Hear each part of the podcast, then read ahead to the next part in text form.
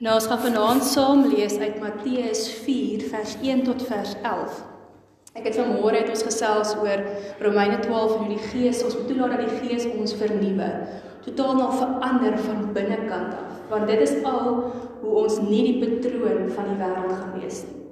En Romeine 12 het afgesluit met die vers om te sê ons moet onderskei wat die wil van God is, wat die volmaakte en aanneemlike wil van Here is. Nou as ons as gelowiges wil weet in die wêreld dat hoe moet ons nie die patroon wees van die wêreld nie. Moet ons weet hoe lyk God se patroon? Dis tog die logiese stap. Ons moet weet hoe lyk God se wil? Hoe wil God hê ons moet leef? Nou, ek weet nie van julle nie, maar ek het al baie in my lewe gevra, hoe weet ek wat die Here se wil is? Hoe onderskei ek? Hoe hoe weet ek wat die Here vir my wil vra in hierdie saak? Want partykeer is dit nie so duidelik nie. En dis nou waar ons vanaand gaan gesels oor hoe help die gees van God ons onderskei wat God se wil is. So ek lees vir julle Matteus 4 vers 1 tot 11. Net so 'n bietjie 'n uh, uh, voorskou net voor maar um, ons hierdie gedeelte lees is Jesus gedoop deur Johannes die Doper. So daarna lees ons nou. Hierna is Jesus deur die Gees die woestyn ingelei om deur die duiwel versoek te word. 40 dae en 40 nagte lank het hy gevas en later honger geword. Toe het die versoeker nader gekom en vir hom gesê: "As u die seun van God is, sê dat hierdie klippe brode moet word." Maar hy antwoord: "Daar staan geskryf: Van brood alleen sal die mens nie leef nie, maar van elke uitspraak wat uit die mond van God kom." Toe neem die duiwel Jesus na die heilige stad en laat hom op die hoogste punt van die tempelgeboue staan en sê vir hom: As jy die seun van God is, spring hier af. Daar staan immers geskryf: Hy sal sy engele opdrag gee oor jou en op hulle hande sal hulle jou dra sodat jy dalk nie teen 'n klip jou voet stamp nie. Jesus sê vir hom: Daar staan ook geskryf: Jy mag die Here jou God nie versoek nie. Hierna neem die duiwel hom na 'n baie hoë berg en wys hom al die koninkryke van die wêreld in hulle pragt en sê vir hom: Dit alles sal ek vir u gee as u neerkniel en my aanbid. Toe sê Jesus vir hom: "Gaan weg, Satan, want daar staan geskryf: Die Here jou God moet jy aanbid en hom alleen dien." Toe het die duiwel hom met rus gelaat en kyk, daar het engele gekom en hom versorg. Ons lees tot daar. Die stryd om ons gedagtes te vernuwe, het ons nou vanmôre agtergekom is nie iets net nie. Dis iets waarmee ons elke dag sukkel, maar dis iets waardeur mense van die vroegste eeue af sukkel. Ons wil lees dan nou gelees in Spreuke vanmôre hoe ons moet versigtig wees wat in ons hart, ons gedagtes aangaan, want bepaal ons hele lewe. Selfs in 1 Petrus 5 vers 8 staan daar dat ons moet nigter wees, wakker wees. Want die duiwel loop rond soos 'n brullende leeu op soek na iemand om te verslind. Ons sien dieselfde hier vir Jesus, hierdie verhaal van Jesus en die duiwel hoe die duiwel probeer om vir Jesus in die wêreld se patroon in te druk. Hoe hy hom kom versoek om toe te gee aan sy eie wil om weg te beweeg van God af. Van die begin van tyd af is die duiwel besig om ons as gelowiges te probeer oorreed om uit God se wil te staan, om anders te word as wat God wil hê ons moet word. Die duiwel probeer ons die patroon van die wêreld laat volg. Ek sê hierdie goed vanaand nie dat ons moet bang word vir die duiwel nie. Hoor my baie mooi. Ek is nie bang vir die duiwel nie. Want my Here is 'n oorwinnaar. Hy het die duiwel reeds oorwin. Maar ons moet weet hoe werk die duiwel. Ons moet bewus wees, ons moet weet waar hy werk. As ons nie die patroon van hierdie wêreld wil wees nie, en ons wil God se kinders wees, moet ons die patroon van die wêreld, die patroon van Satan kan herken en kan teenstaan. En dis waar onderskeiding gaan. Dis waar ons vandag praat. Nou, ons het vanmôre gehoor dat as ons ons gees laat vernuwe, as ons toelaat dat God ons gedagtes vernuwe, moet ons onthou dis 'n aanhoudende proses. Onthou jy die eiertjie wat 'n wurmpie geword het en 'n papie en 'n kokon en 'n skoenlapper? Dis iets wat heeltyd gebeur het. En so moet dit ook heeltyd in ons lewens gebeur. Nou partykeer dan dink ons ag nee, wat die duiwel pla my mos nou nie regtig nie. Daar sekere mense wat met die duiwel gepla is, jy sal weet. Maar die duiwel pla nie regtig vir my nie. Maar dis nie die waarheid nie. Partykeer werk hy net so slim en so onderlangs dat ons amper nie agterkom nie. Dat ons dink ons hoor God se stem, Maar so stadig maar seker word ons van die waarheid af afgelei. Ons lees dit hoeveel keer vir al die briewe as Petrus en Paulus hulle begin waarsku teen dwaalleraars. Dan sê hulle hoe die waarheid misbruik word om mense weg te trek van die kern van die evangelie af. En kyk wat het met Jesus gebeur in hierdie verhaal. Ons het nou gehoor, nou gehoor net voor die versoeking in die woestyn is Jesus gedoop. Nou dis 'n ongelooflike belangrike deel van Jesus se bediening, die kernpunt. Want Jesus se doop was die eerste ding wat met hom gebeur het. En as jy mooi onthou, het die Gees van God neergedaal op hom en 'n stem uit die hemel het gesê: "Hierdie is my geliefde seun, oor hom verheug ek my." Die doop van Jesus was God se bevestiging van wat Jesus hier op aarde moes doen. Dit is asof God hier vir Jesus die opdrag gegee het en hom gesê: "Nou is jy gereed, toegerus met die Heilige Gees om te gaan leef, om te gaan doen wat ons gekom het om te doen." Maar net hierna, na hy nou hierdie opdrag kry, gaan hy woestyn toe vir 40 dae en 40 nagte. Hoekom? Het hy weggehardloop? Het hy gevoel die opdrag was te groot? Nee. Jesus het woestyn toe gegaan want hy het hom gaan afsonder. Hy het gaan vas lees, ons 'n vaste gebedsdissipline, iets wat gelowiges doen om nader aan die Here te kom. So Jesus Jesus het gegaan om geestelik versterk te word. Hy het nader aan sy Vader gegroei. Hy het gaan hy, hy het gaan versterk raak sodat hy kan doen dit wat hy moet doen.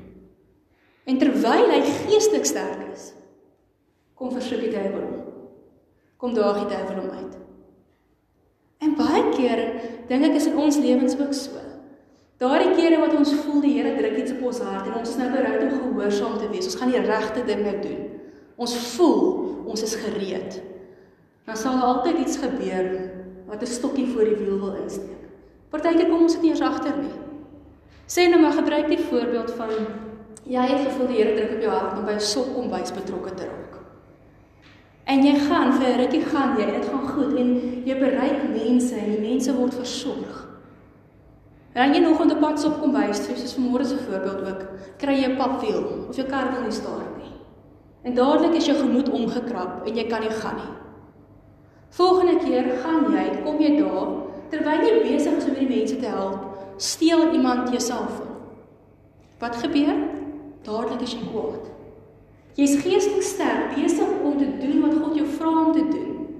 Maar terselfdertyd beleef jy hierdie aanslag van die duiwel. En baie keer as ons dan nou kom by die punt wat ons selfoon gesteel word, ons kwaad raak, dan wil ons nie teruggaan nie. Dan raak ons ongehoorsaam aan wat God vir ons gevra het. So ek wil hê ons moet ons oë oopmaak, ons moet begin kyk as ons hierdie goed beleef wat die Here vir ons sê, doen dit. En ons dit doen, ons kry teenstand. sien dit raak vir wat dit is. Moenie bang wees nie, geensins nie.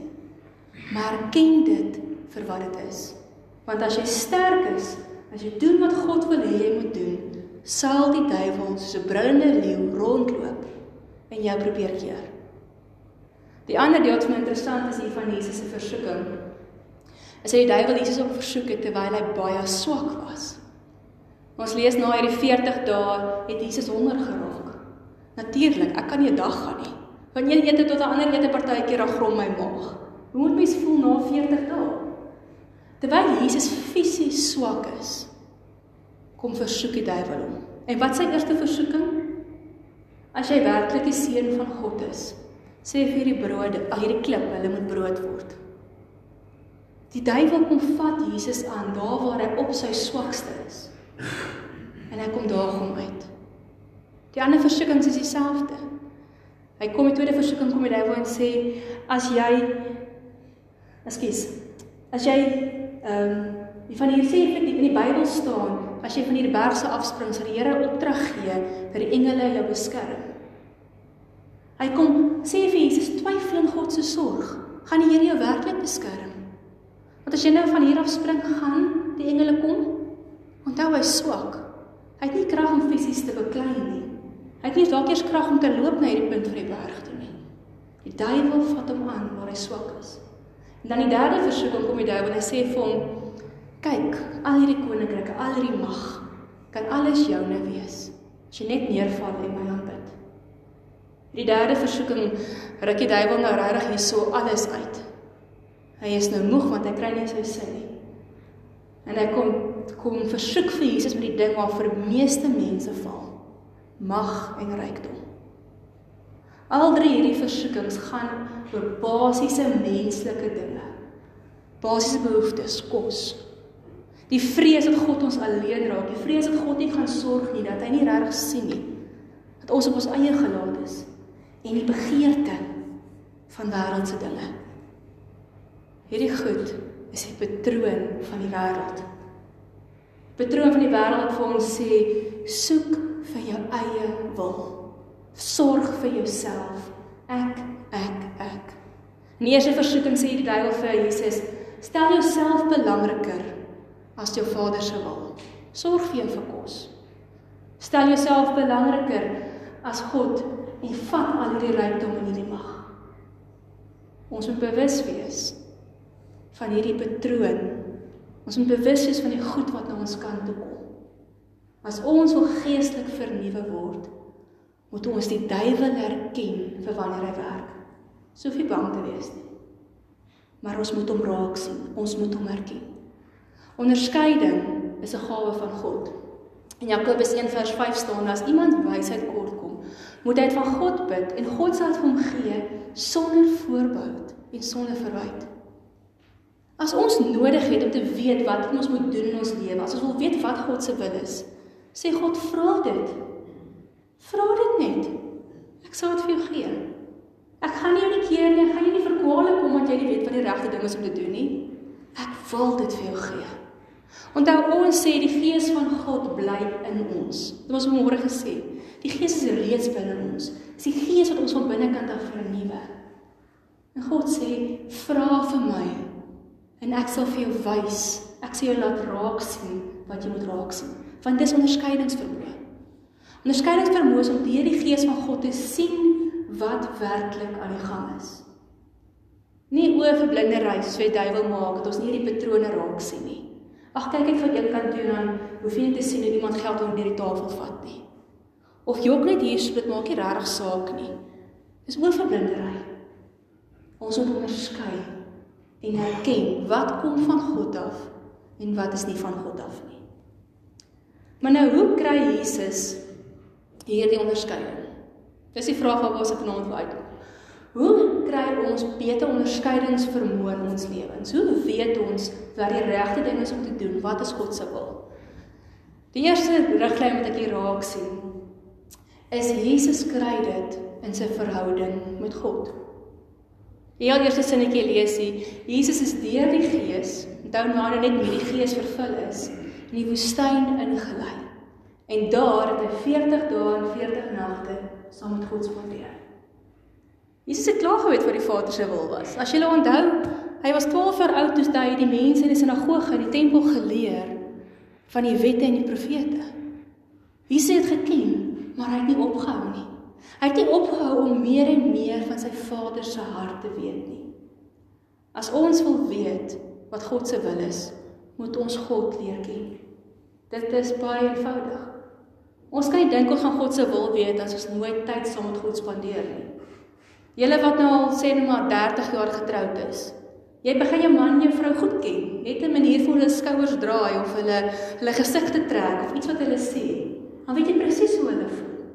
En dis ons verhouding met die Here moet ook moet wees. Ons moet hom so goed ken dat ons net met die fynste aanduiding sy stem kan hoor, sy wil kan ken, kan weet wat hy vra. En ons kry dit net as ons saam met God tyd maak. In Romeine 12 vers 2, wat ek nou vanmiddag vanmôre oor gelees het, maar nie oor gepraat het nie, staan daar ons moet onderskei wat die goeie en die aanneemlike wil van God is. Dis 'n opdrag. So opdrag wat ons kry in hierdie wêreld te sê, jy moet gaan toets. Jy moet gaan ondersoek instel wat is God se wil. Hoe kry ons dit? Hy staan op twee bene, soos ek my agterkom uit Romeine uit. Die een is ons moet die Bybel ken. Ons moet weet wat God se woord sê en wie God in sy woord vir ons vertel wie hy is. Nou baie keer as ons in ons lewens vandag leef, reën dit. Ekskuus. dan word jy gekonfronteer met situasies wat nie in die Bybel staan nie. Byvoorbeeld, julle ouers met tieners, Ons lees nie in die Bybel iets oor skermtyd nie. Wat moet ons daarmee maak? Ons lees nie iets oor in vitro bevrugting nie. Wat maak ons daarmee? Ons lees nie iets oor robotte nie en rekenaars nie. Wat maak ons met hierdie goed? Dis nie goed wat ons direk in die Bybel van lees nie, maar die Bybel gee vir ons basiese beginsels en riglyne van hoe 'n lewe lyk wat God gelukkig maak. En daardie riglyne kan ons gebruik om ook in hierdie situasies wat nie in die Bybel is nie, te onderskei en te weet wat God se wil is. Om 'n voorbeeld te gebruik van skermtyd. Ons weet nou al dat skermtyd baie lekker is vir kinders. Hulle kan ure voor 'n TV of voor 'n selfoon sit. Dink ons groot mense is net so skuldig daaraan. Dis vir ons lekker om in, met hierdie dingetjie in ons hand so voor 'n televisie te sit. Maar as jy ook al gehoor hoe 'n telefoon en 'n rekenaar en 'n televisie verhoudings in families begin laat wegdryf. Hoe mense alleen begin voel. Hoeveel skade dit bring dat mense nie met mekaar praat nie. Ons het gehoor van al die ewels wat deurkom op sosiale media. Julle weet waarvan ek praat. Wat sê God se wil vir ons daaroor? Wat sê God se woord vir ons daaroor? God se woord sê vir ons verhoudings is belangrik. Mense wat gebalanseerd leef en gelukkig is in die volheid, wat gesond is, is belangrik. God se woord sê vir ons verhoudings tussen man en vrou is belangrik. En daarom moet daar iets anders in plek daarvan staan nie. Want dis wat egbreek is. Enigiets wat in plek van 'n verhouding kom. God se woord sê vir ons daar mag nie iets soos belangriker word as hy nie. En partykeer word ons telefoon en ons skermtyd belangriker as God. Dan maak ons dit 'n afgod. Dan is ons nou baie duidelik dat hierdie riglyne vir ons sê skermtyd moet ons bestuur moet ons so inkleed dat dit nog steeds binne die wil van God is. So ons kan die riglyne van die Bybel gebruik om vandag se situasies aan te raak. Maar dit beteken ons moet die Bybel ken. Nie net sekere gedeeltes nie, maar die hele Bybel moet ons leer sodat ons die hart van God kan hoor. Dat ons sy groter prentjie kan sien van wat is sy wil vir ons. So dis die eerste B van onderskeiding.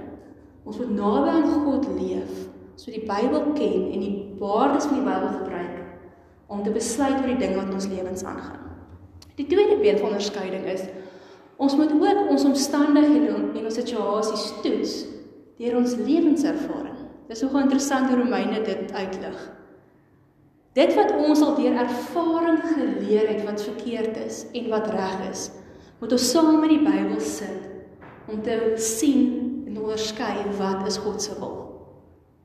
Nou, ons hoef nie almal alkoholiste te word om te weet alkoholisme is 'n verkeerde ding nie. Is 'n slegte ding wat vernietigend is nie. Ons het mense wat dit al geleer het. Ons het ervaring om ons wat dit al vir ons geleer het. Ons moet dit gebruik. Ons het 'n geloofsgemeenskap soos hier sit vanaand met mense wat al die verskillende goed geworstel het, nou geleer het wat was God se wil in daardie situasie? Wat wou die Here gehad het moes ek doen? Wat het ek gedoen wat ek nie moes gedoen het nie? En daarom moet ons by mekaar kom en moet ons mekaar ondersteun. En as ons wonder oor 'n ding, as ons wonder wat moet ek doen in hierdie situasie? Hoe wil die Here hê moet ek dit hanteer? Vra. Hier sê die familie. Hier sê die mense wat saam in geloof reis. Vra, praat met mekaar, bid saam. Want dis hoe die Here ons help met onderskeiding. Ons glo ons die Gees van God werk in ons elkeen om op God se hande en voete te wees, om mekaar te help. Maar dan moet ons uitreik na mekaar toe. So om te onderskei beteken vat die woord van God, maar vat ook die lewenservaring van gelowiges. Bring die twee saam en dan gaan ons kan sien wat God se wil is. Maar nou besonder in hierdie gedeelte wat my altyd ook so 'n bietjie vang, is dat die duiwel ook die Bybel gebruik het. Net na hy sommer eerste keer geantwoord het uit die woord van God uit, kom die duiwel en hy gebruik ook God se woord. Hy sê maar dan nou in die Bybel staan die engele, God sal die engele opdrag gee om te beskerm. Partykeer is dit nogal verwarrend om te onderskei wat God se wil is. Ons het net nou gesê partykeer is hierdie goed so naby mekaar. Ons hoor die Here sê vir ons een ding, maar dan kom jy 'n ander boodskap, dit is so klein bietjie anders, maar dit klink eintlik nog heel reg. Wanneer weet ons wat reg is? Hoe maak ons met hierdie gedagte dat die duiwel die waarheid net so klein bietjie draai? en ons daarmee verlei. Dat ons daarmee dan die patroon van die wêreld word. Ek dink wat ek ek nou gewonder tot die vraag en daar gesels het by versgroep. Dis een ding wat uitstaan is as ons die gees van God in ons het. Soos nou gehoor en tyd saam met die Here spandeer om waarlik leer ken, gaan sy stem vir ons soveel duideliker raak. So ons sal sy stem herken, net soos Jesus God se stem herken het en die duiwel se stem herken het vir wat dit is. As ons die gees van God het en saam met God tyd spandeer, sal ons 'n idee hê, 'n goeie idee wat is God se werklike wil. Maar die ander ding wat ons dan kan toets, is hierdie eenvoudige vraag van wat se patroon volg hierdie ding? Wat se patroon stel hierdie situasie, hierdie omstandighede my nou voor? Wat moet ek kies? Want die wêreld se patroon is een van kies jouself. Stel jouself eerste. Stel iets anders eerste bo God. Presies wat die duiwel hier gedoen het. Jesus se honger was eerste gestel. Sy sy behoefte na mag wat die duiwel misbruik het, het hy nog gelukkig nie reg gekry het nie. Maar hierdie eie ek om God tweede te stel, het die duiwel opgelig. So as ons wil weet of iets van God afkom, kan ons maar altyd weet, dit sal nooit teen God se wees, se woord wees nie. Dit sal nooit vir God tweede stel nie. Dit sal nooit God se eer skade aandoen nie. Soos 'n een, eenvoudige vraag wat mens kan afvra is: As ek nou hierdie ding moet besluit, wat gaan die meeste vir God eer? Want dit is waarskynlik dan in die wil van God. Dan die derde ding wat ons moet leer in hierdie gedeelte en wat ons môre ook geleer het, is dat metamorfose beteken om jou gedagtes te vernuwe, volkome algeheel van binne af nuut te maak. En ons doen dit deur nie net weg te stap en die, die wêreldspatroon te erken en weg te stap daarvan nie, maar ook om in plek daarvan God se patroon in te sit. So ons vat die wêreldspatroon weg, ons erken dit vir wat dit is en ons los dit daar. Maar as ons nie hy gaping gaan vul nie, dan gaan hy maar net terugkom soos die tak van môre teruggegroei het. Ons moet hom terugvul met God se woord. Want dis wat Jesus hier doen elke keer as die Satan hom versoek het het hom geantwoord uit die woord van God. As ons hierdie gedagtes kry in ons koppe van o, ek moet nou bekommerd wees en kyk wat maak die ekonomie. O, ek moet nou dit, o, ek is nou bang vir dit. Dit en dit en dit gaan gebeur. Die oomblik as hierdie gedagtes opkom, dan moet ons die woord van God so ken dat ons moet kan sê nee. Ek hoef nie bang te wees nie. Want God is by my. Nee. Ek hoef nie bekommerd te wees oor wat ek gaan eet of drink nie want die Here sê hy sal sorg. Nee, ek is nie 'n sondige mens wat Here se goedheid nie verdien nie. Die Here het gekom vir alle sondaars, ook vir my. Ons moet God se waarheid al hoe meer in ons gedagtes bewuslik insit. Ons gaan môre aan so 'n bietjie meer daar praat oor hoe ons hierdie fokus reg kry. Hoe ons dit reg kry dat God se waarheid al hoe meer word. Dit is belangrik om net vanaand te hoor dat wanneer ons die duiwel erken, kan ons hom nie net erken nie. Ons moet hom ook teenstaan, soos Jesus hom teengestaan het. Soos ons ook in 1 Petrus 5 gelees het. Staan die duiwel teen. Wees waaksaam, maar staan hom teen. Efesiërs 6 sê dieselfde as ons die wapenrusting gaan lees. Die woord van God is die swaard van die gees. Ons moet hom gebruik om die brandpyle af te vuur. So, wat het ons vanaand geleer? Drie goed. En dan gaan ek so herhaal om te probeer inprent. Jy moet die wegstap vanaand met drie woorde. Eerste een: herken die duiwel en sy taktik. Onderskei tweedens wat die wil van God is. En derdens: staan dit te met die swaard van die woord. Onderskei, herken, onderskei en staan teen en weet dat net soos Jesus nie alleen was in hierdie stryd om sy gedagtes nie en hierdie versoeking nie, is ons ook nie alleen nie. En as die duiwel teenstaan, sal hy wegvlug. En God sal kom en ons versorg van dis sy belofte.